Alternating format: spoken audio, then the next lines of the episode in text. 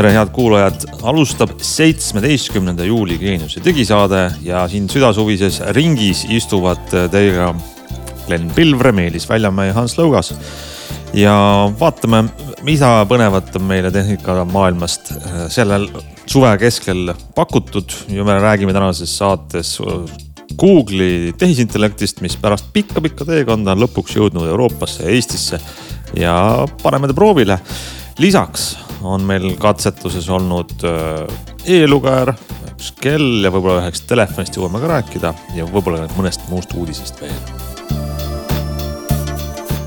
no nii, alustame võib-olla siis sellega, et kui võib-olla pool aastat on juba möödas, kui ka meie saates oli tohutu äh, eufooria chat GPT-st ja sellele järgnes Microsofti ähm, tark tehi, tehismõistus nimega Bing, kus me panime neid proovile ja rääkisime ja mõtlesime, kuidas, mida imetrikke nad teevad, siis Google'i Bard, mis on siis Google'i äh, vastusamm nendele samale kahele tehnoloogiale, oli jäi alati maha. üldse, üldse väljatulek ja lansseerimine võttis aega ja lisaks oli neil ka aega sellega, et see jõuaks äh, siis meie piirkonda.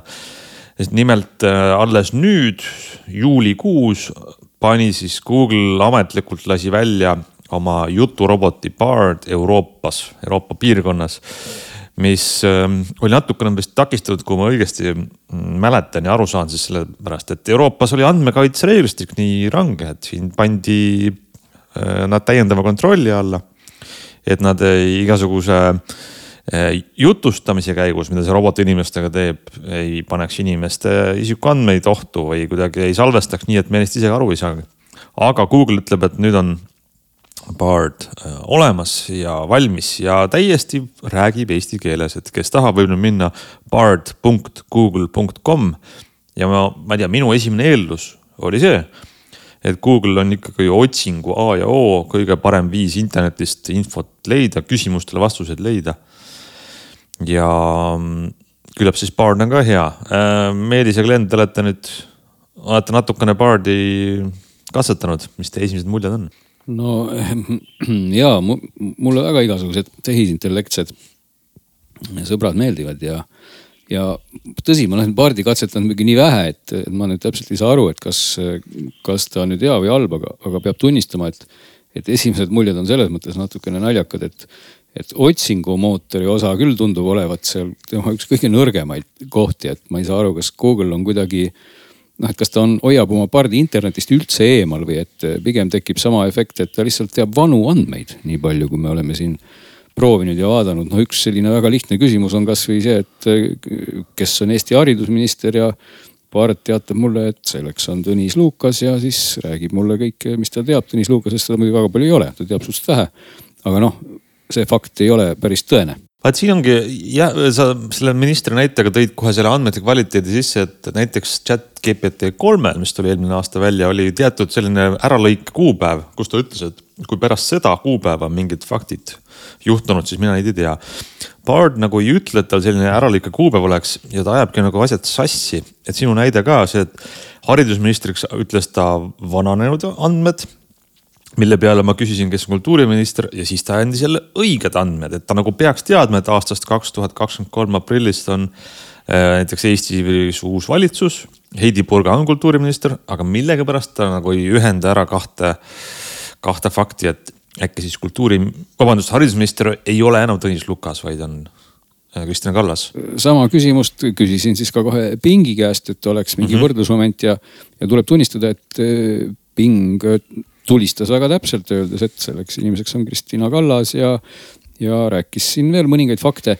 mis mulle Pingi puhul väga meeldib, kui neid omavahel niimoodi nüüd kõrvutada, on see, et, et Ping tegelikult oma otsingu või, või nendes vastustes annab sulle alati äh, nagu viited, numbriliselt seal mõned viited, eh, kust kohast ta seda infot siis täpselt on võtnud. tõsi, peab tunnistama, et siin aasta alguses, kui ma ka pingi kiusasin, siin oli just valimised ja siis ma ka teda poliitika teemal eh, just eh, nagu küsisin igasuguseid asju ja siis ping muutus väga kurvaks, sest ta andis mulle küll nagu listinguna selle, mis iganes, kas see oli Postimees või Delfi, kus ta selle mingi tulemuse võttis valimise kohta ja ütles täitsa nagu siiralt valed andmed ja siis, siis kui ma ütlesin, kuule, aga et vaata nüüd seda lehte uuesti, et seal ei ole ju selliseid andmeid.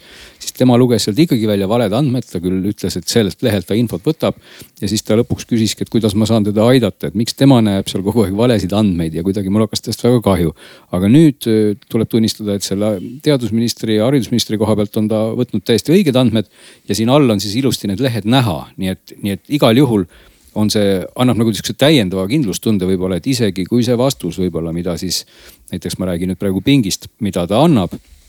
et tasub igal juhul minna alati võib-olla ja korraks klikkida selle viite peale, mida ta pakub, siis on kohe näha, et kas ta ikka on sealt tõesti selle õige andmestiku nii-öelda välja koukinud, aga Bard sellist, sellisel kujul vähemalt äh, ei ütle üldse, kust ta, kust ta võtab ja mida ta võtab. nii et äh, ma ei, ma ei näe praegu, ma vaatan, siin on üks variant, teised variandid on siin ka. ma, ma, ma pean nüüd rääkima Bardi ühest väga vastuolulisest omadusest, mida, mida, mis ma nüüd ei tea, kas seda võib siin kõva häälega eetris öelda või mitte või mõned inimesed saavad väga vihaseks, aga lugu on selles, et ehm, teatavasti Google'i ja ka tegelikult Facebooki ja, ja kõigi nende suurte platvormide peale on kõige verisemalt vihased meediaväljaandjad, sest et inimesed ei käi külas, ta ei vaata enam meediaväljaandjate reklaame, vaatavad siis Google'it ja Facebooki. Taanis oli päris huvitav näide, kuidas Taani mm, üks äh, ajakirjanik andis näite, et kohaliku ajalehe online uudisest, mis on maksumüüri taga ja sa annad selle lingi Bardile, ütled, palun tee kokkuvõte, mis muide vahele kommentaar kõige, kõige, kõige, kõige, kõige parem omadus kõikidel juturobotitel on, et tee sellest pikast tekstist mulle kokkuvõte ja selles on nad väga head. ja see Bard äh,, ma ei tea, kuidas, aga ta võtab selle algteksti selle maksumüüri tagant ja teeb selle kokkuvõtte, mis teeb, vajab meediaväljaandel muidugi harja nagu hele, helepunaseks. ma tegin kiire katsetuse ühe Eesti suure ajalehe veebilehega, kus on artikkel ma näen pealkirja ja esimese lõigu poolikut osa ja siis ma pean edasi lugema. ja, või siis mingit osa on vist näha. ei, ma pean ikka edasi lugema.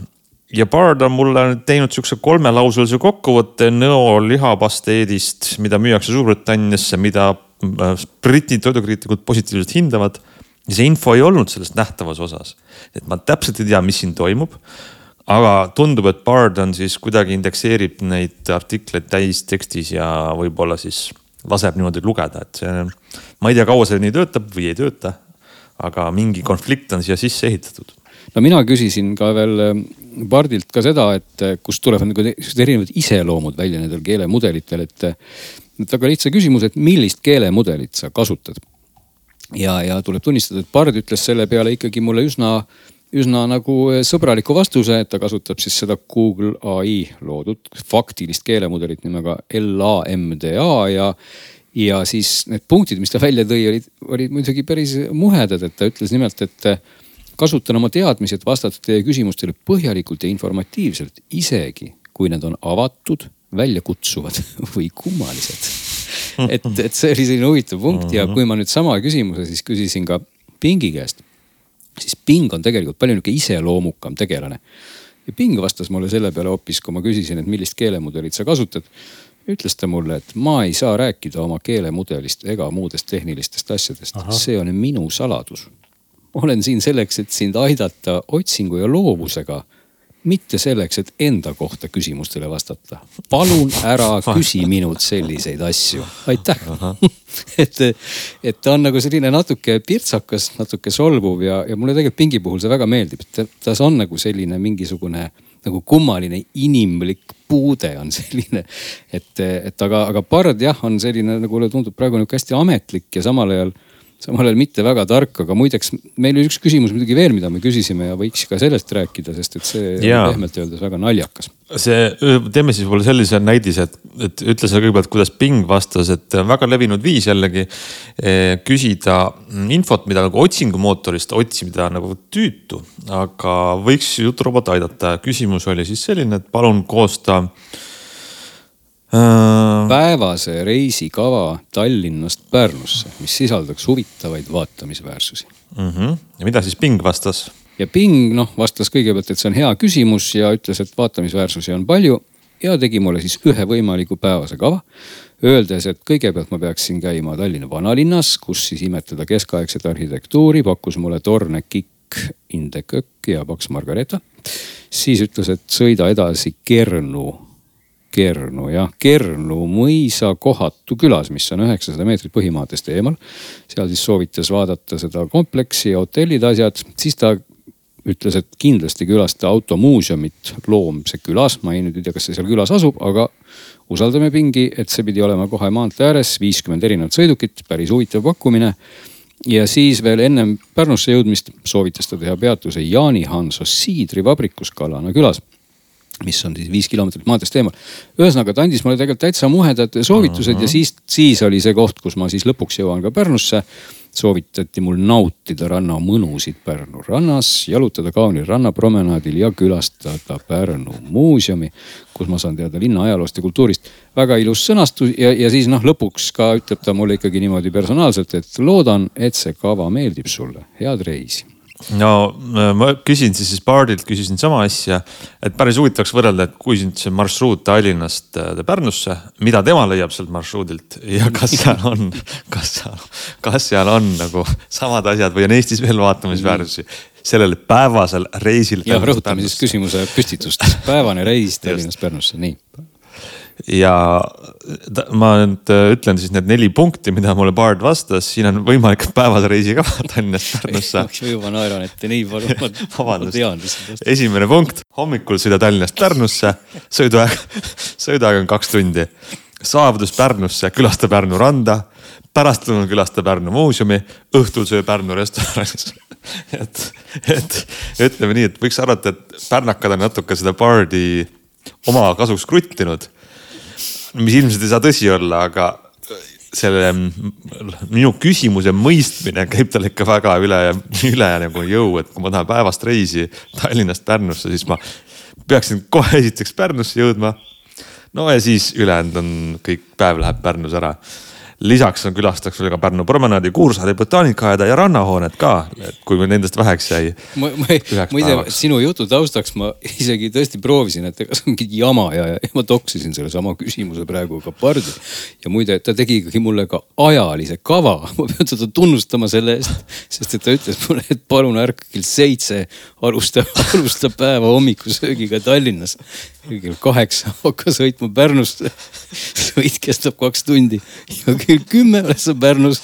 kell kümme hakka külastama Pärnu randa.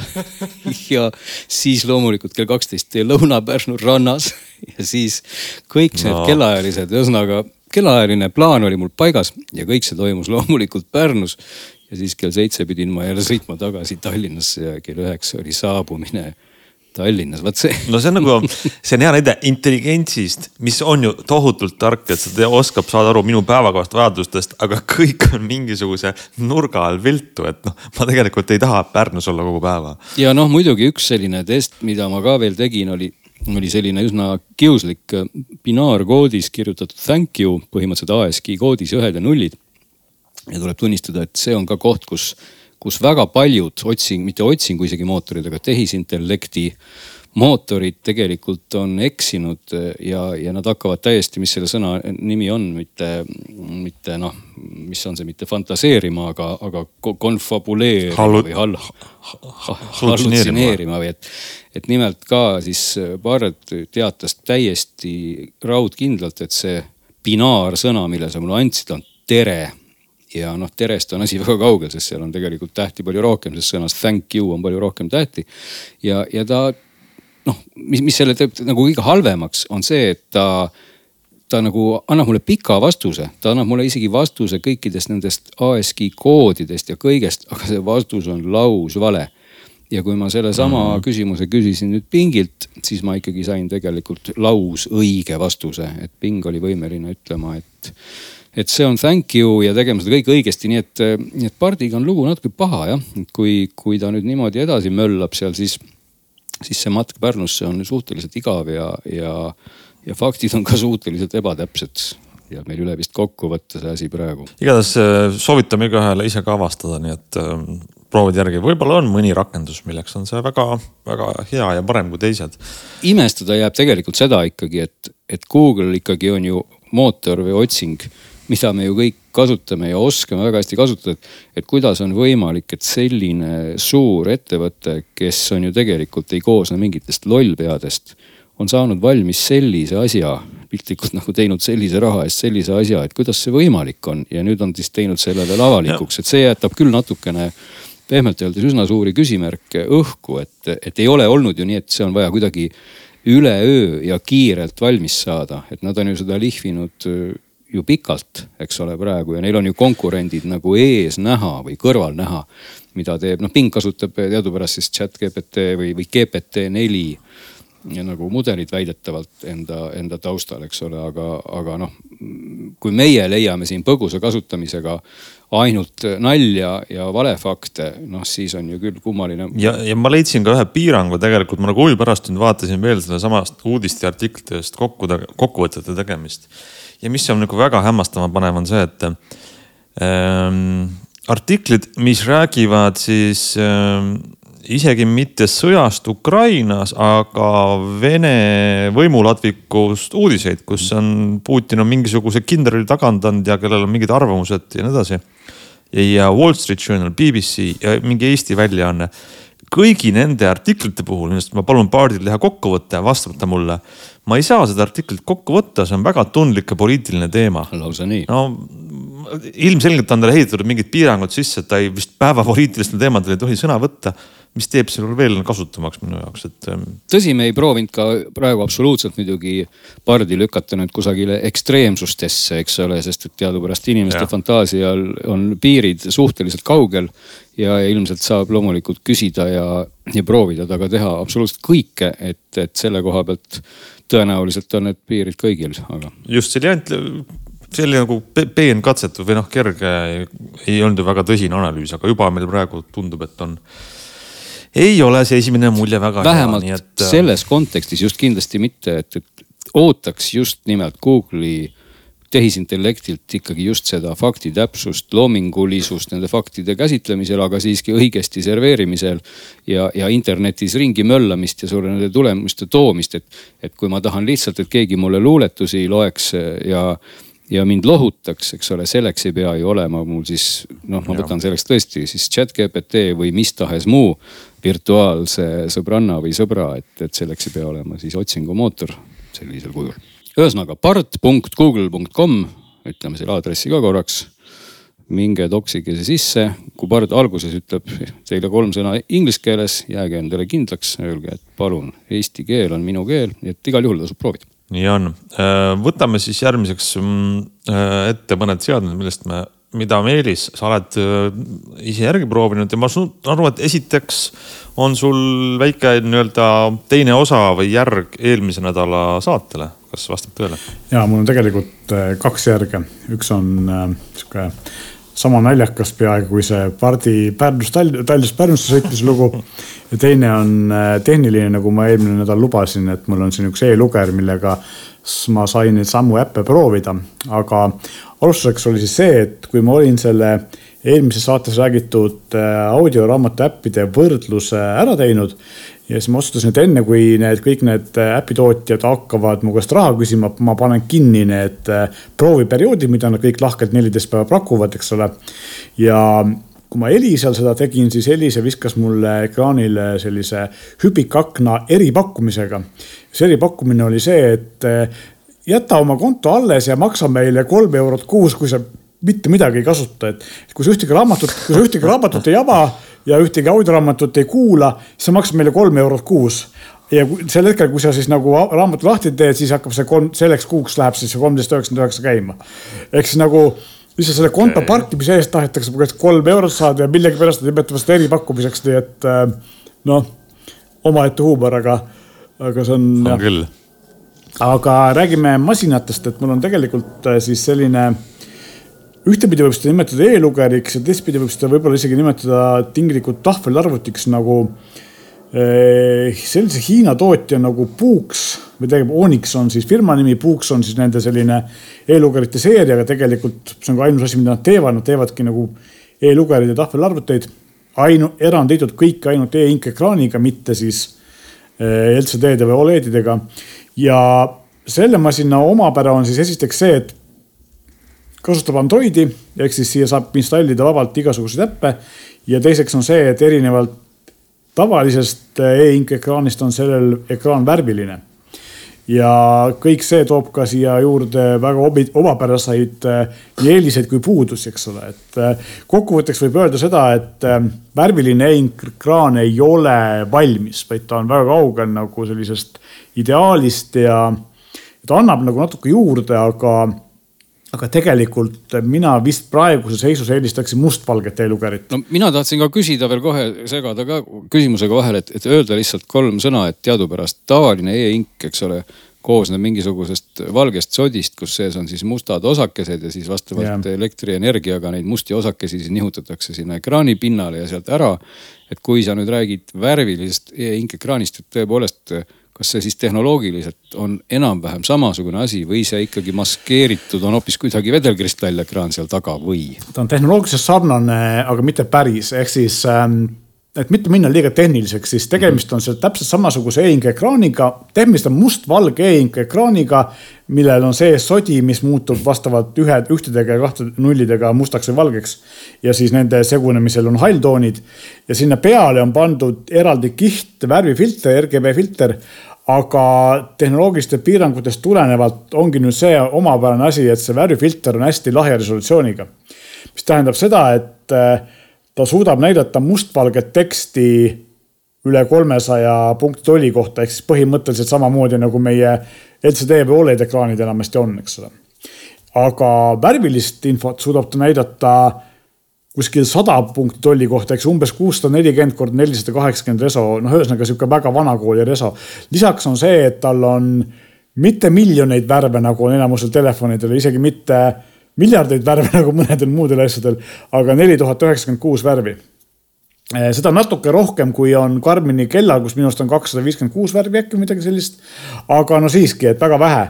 ja, see nagu teisi probleeme veel, et, et näiteks on see, et tal on olemas siis selline e-ink center, kus sa saad siis neid igasuguseid värvi ja heledusega seotud asju reguleerida ja seal on olemas värvi äh,, musta värvi parandamine, näiteks saad teksti kontrasti paremaks teha, midagi sellist.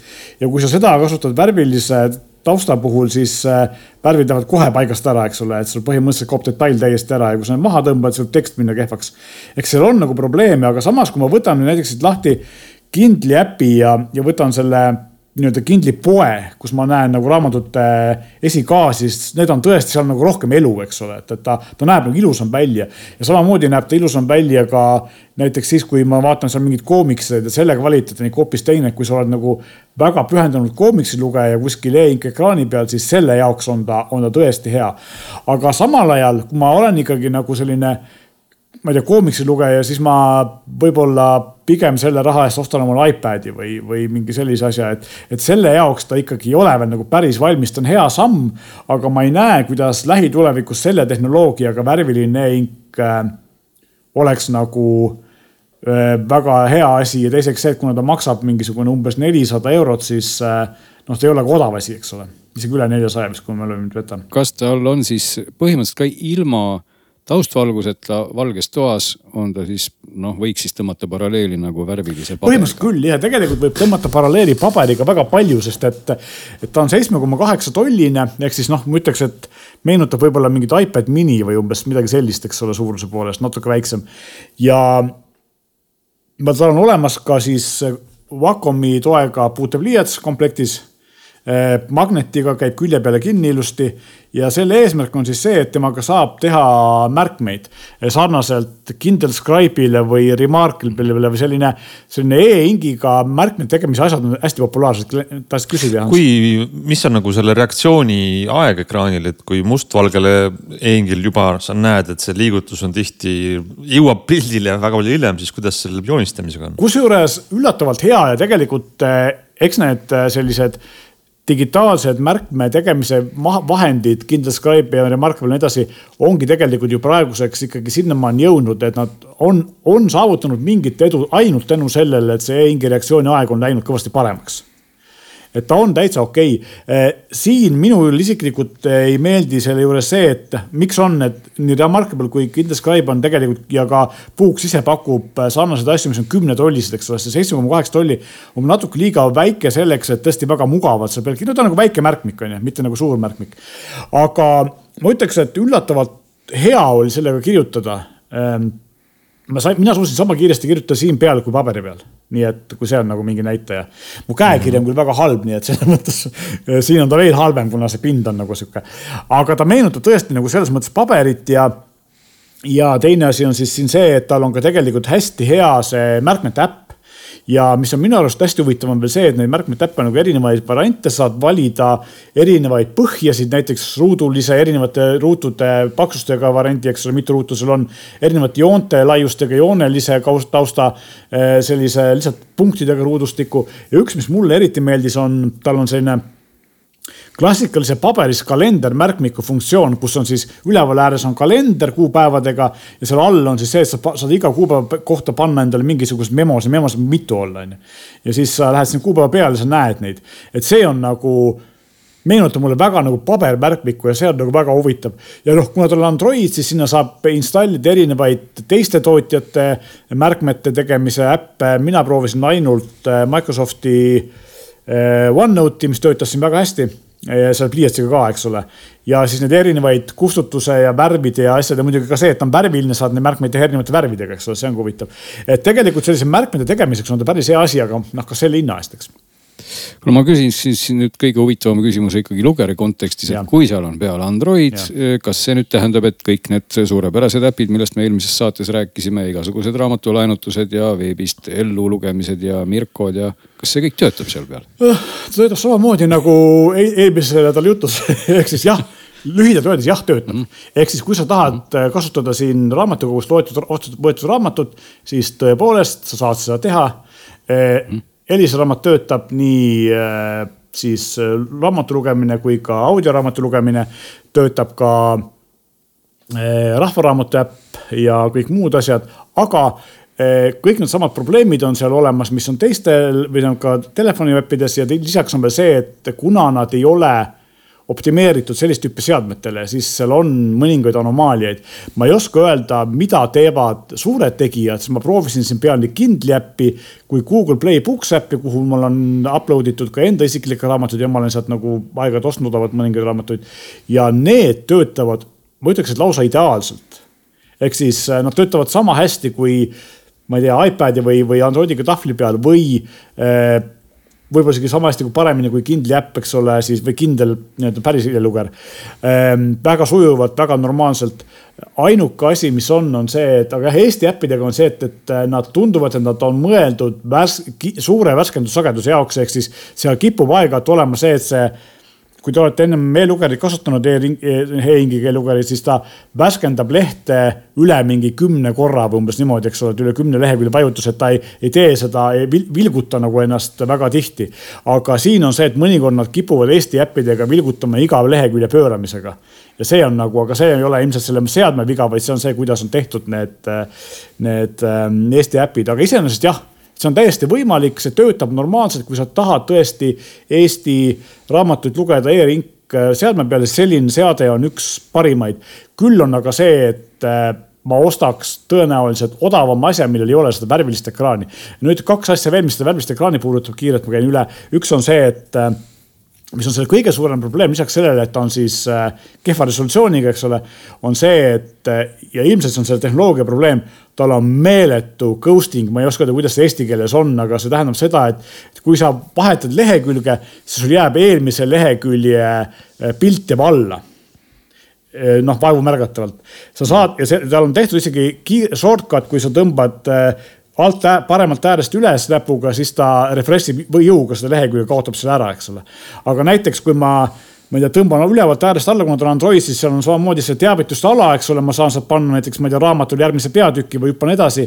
siis mul jääb see teavituste ala, selline kontuurid jäävad nagu raamatu taustale näha, eks ole. see saab kiiresti ära, aga see ikkagi häirib. mustvalgetel seadmetel sellist probleemi ei ole. ja teine asi, mida ma veel tahtsin öelda siia juurde, on see, et, et mis on hea, on see, et tal on eraldi reguleeritav soe valgus ja külmvalgus. saad need eraldi reguleerida, saad need linkida kokku, et ta reguleerib neid korraga.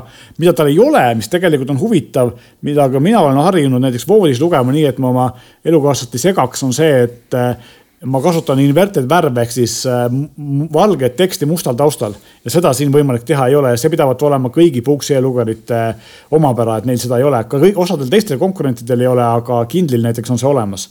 et iseenesest nagu hea asi, aga ma ei ole kindel, kas ta on nagu seda hinda väärt.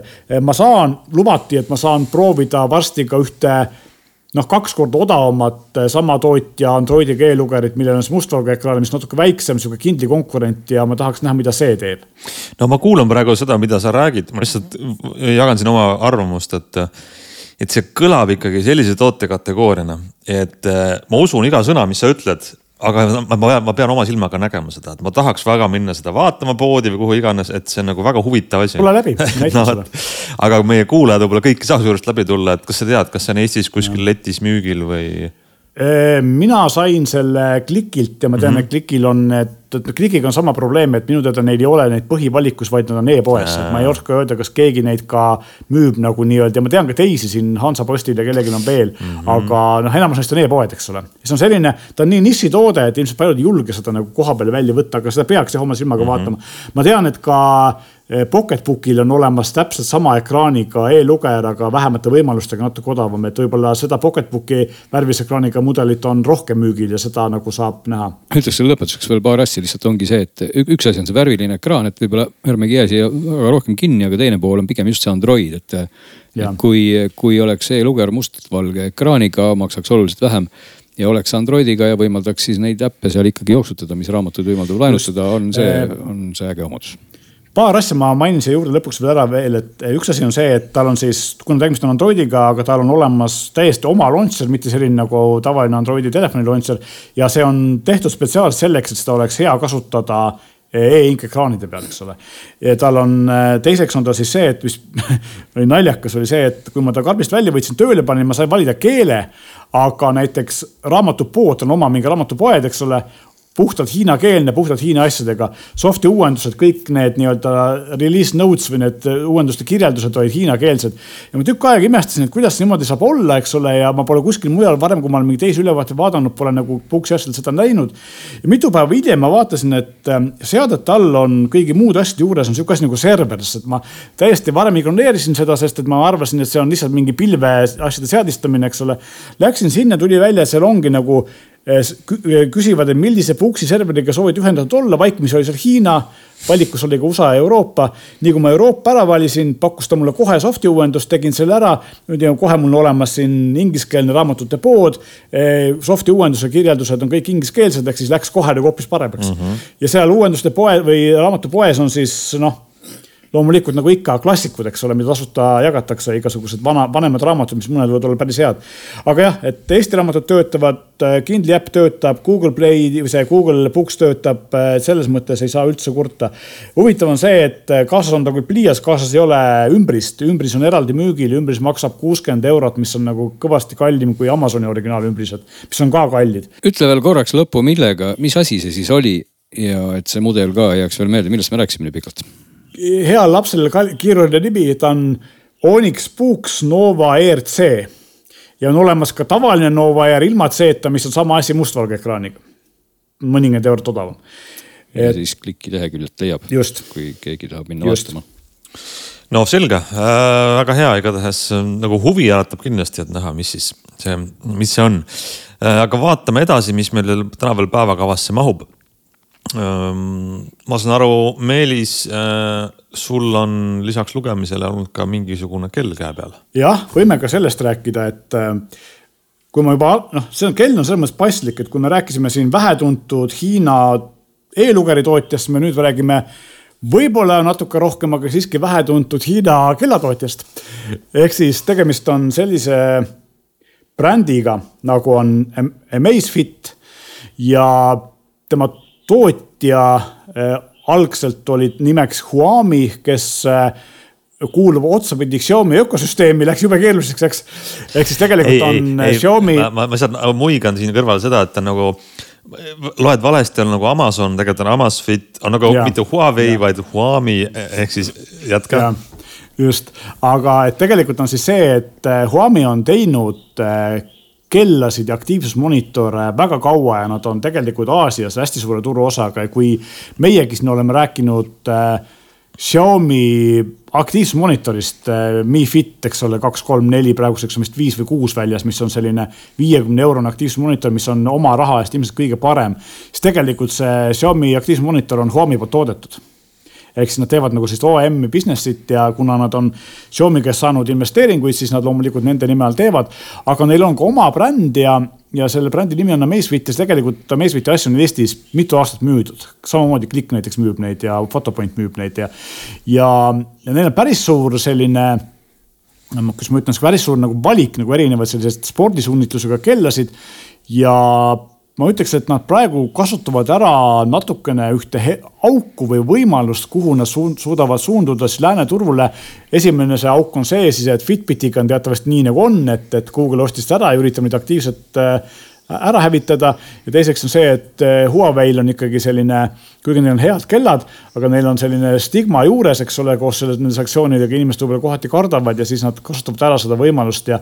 ja ka sellel kellal on siis tegelikult, et tegemist on siis äh, Amazfit äh, GTS neljaga, mis meenutab, ta on kandilise ekraaniga kell, meenutab oma välimuselt veidi võib-olla Apple Watchi või, või Fitbit äh, Versat. üks nupp on siis selline keeratava nupuga, nupp on külje peal, kella kolme koha peal. ja ma ütleks, et tegelikult on siis äh, no üks osa mul jäi rääkimata, et kõike ausalt ära rääkida, on see, et, et siis Huami nime nad enam siin laias maailmas ei kasuta, vaid nad muutsid oma siis selle nime ära nimega Sepp. Sepp nimeline on ka siis äpp, mida nad telefonis, millega saab kella hallata ja nad ühtlasi läksid ka selle Seppi nimelise firmaga siis äh, New Yorgi börsil, et nad, neil on suured nagu sellised ambitsioonid, nad üritavad väga läänelikuks saada. ma segan korraks vahele, et mis see hinnaklassi seadmest me nagu räägime, on see siis nagu spordikell, on see? sada üheksakümmend üheksa eurot. nii et ta nagu konkureerib siis ikkagi sellist, kuidas ma ütlen, ta ei ole nagu päris nutikell, eks ole, ta on pigem ikkagi tracker, mis on natuke targem.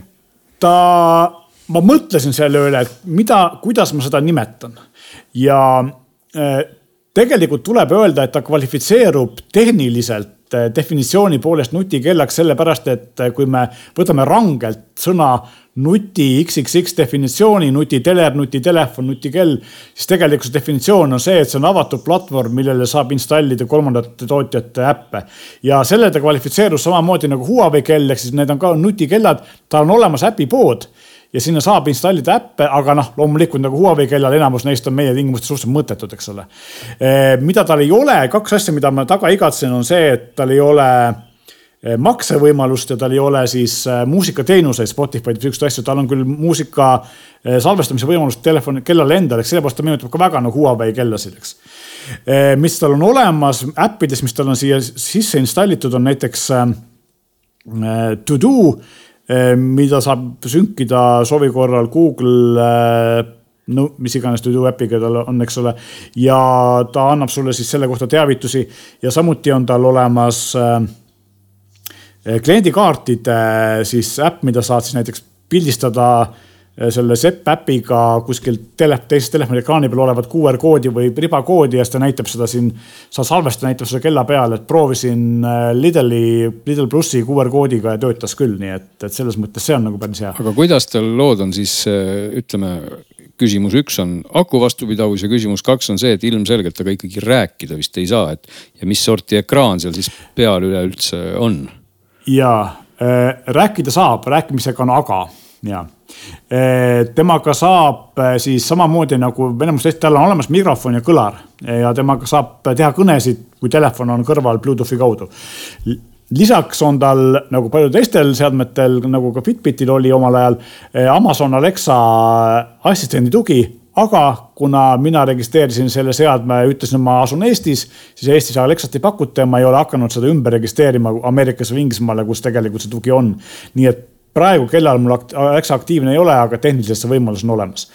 Eh, jah, nagu ma ütlesin, ta maksab kakssada eurot ja tehniliselt on eh, nutikell, aga mina kipuks seda nimetama spordikellaks, sest spordi, sport on Amazfiti selline tugev külg ja, ja seal ta ikkagi, ma ütleks, et ta on parem spordikell kui ma ei tea, Samsungi nutikellad või Google Pixel Watch, eks ole.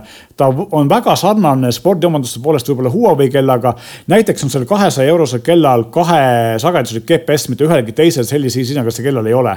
GPS on jaburalt täpne, spordifunktsioonid on väga head, GPS-i lokk on hästi kiire. sa saad kõiki andmevälju muuta, valida, nad on hästi selgelt loetavad, et, et selle koha pealt on ikkagi nagu äh, väga hea. teine asi, mis on hea Eh, Glen teab seda väga hästi, kui hea on Huawei'l une jälgimine. siis ma ütleks, et ma ei ole kindel, kas ta on päris sama hea, aga ta on, ma arvan, selgelt järgmine kvaliteedi, une jälgimise kvaliteedi poolest need kaks ööd, mis ma olen proovinud. suudab salvestada ka näppe ehk siis päevaseid unnakuid automaatselt. et see on ka väga hea.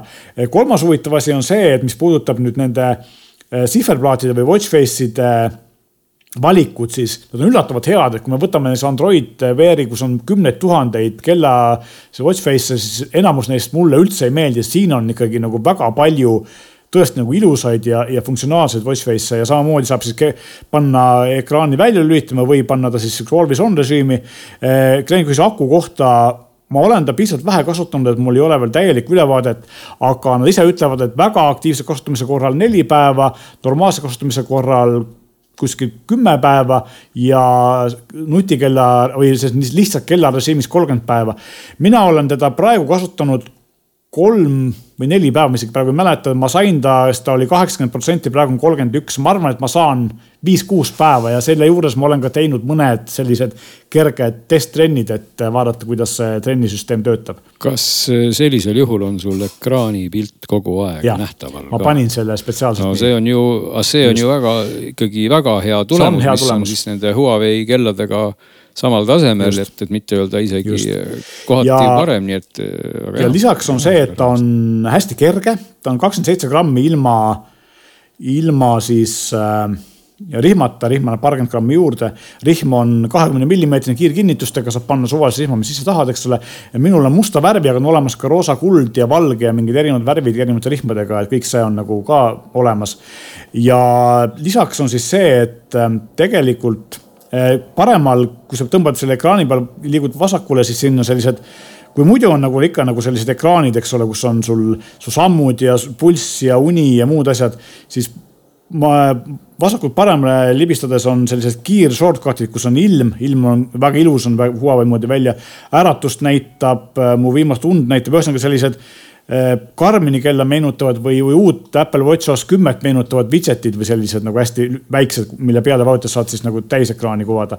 äpis samamoodi ta näitab kõiki andmeid väga hästi, mis on väga karminilik, on see, et kui sa võtad näiteks ette äpis oma sammud või, või pulsi ja keerad telefoni horisontaalseks, siis ta suurendab seda konkreetset kohta, eks ole, ja saad nagu veel kätega, näppudega eraldi sisse zoom ida, et, et ma ütlen, kogu see spordi ja tervise asi on meil üli eh, tõsiselt ette võetud.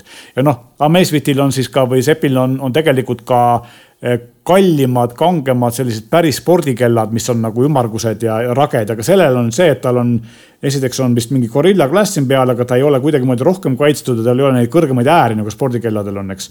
välimuselt meenutab, ma ütlen, kandiline meenutab Apple Watchi või, või Fitbiti või tegelikult Garmini Venue S6-d. ilmselt sellega ta nagu kõige rohkem konkureeribki, et natuke odavam, natuke vähem võimalusi, aga, aga samas väga mõistlik. kaks asja, mis negatiivse poole pealt öelda, üks on see, et kuna tal on see nupp on äh, kella kolme suunas täpselt vastu rannet ja kui ma nüüd käe panen kuskile niimoodi, et mu ranne on nagu ülespoole lükatud, siis ta läheb sinna nupu vastu ja eh, lühikesel puudutusel ta võib lihtsalt mingisuguse asja sinna aktiveerida, aga kui ma pikalt seal vastas olen, siis ta võib kella välja lülitada, restardi teha, kuna väga pikk, vist kümme sekundit alla hoides ta teeb, eks ole, restardi. ja teine asi, mis on see, et tal on olemas automaatne eh, ekraani heleduse reguleerimine, aga see ei tööta väga hästi ja ma esimene kord, kui ma läksingi heleda päiksevalgusega ette Äh, tegema mingit äh, sörgitiiru, siis ma avastasin, et oi, et ma ei näe mitte midagi. ma mõtlesin, et ohoh, et kas tõesti see ekraan on nii kehv, et kas ma leidsin selle kella nagu sellise, sellise negatiivse omaduse, et ma ei saa seda soovitada.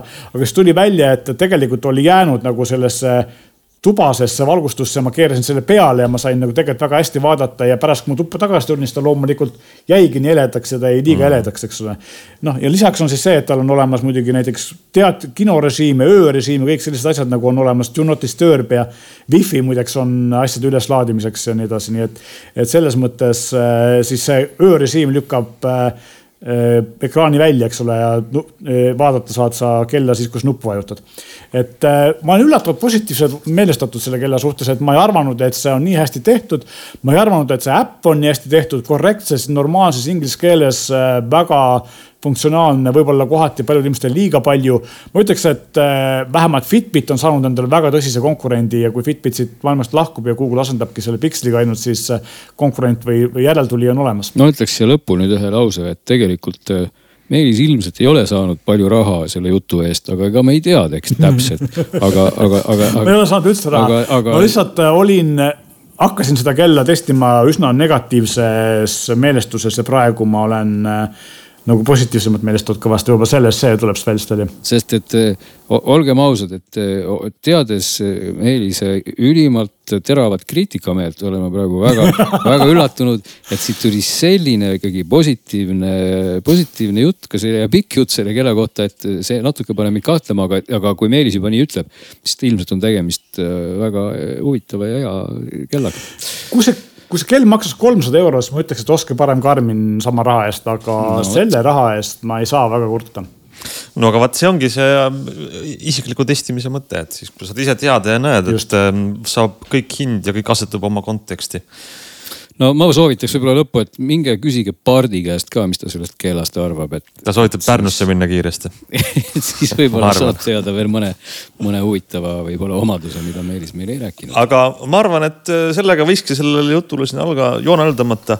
mul tekkis ka tohutu kihk Pärnusse minna kohe, igatahes äh, ma loodan, et teie kõik, kas te lähete Pärnusse või mitte, olete ähm, nädala aja pärast tagasi, sest meie saade on siis jälle tagasi. nägemist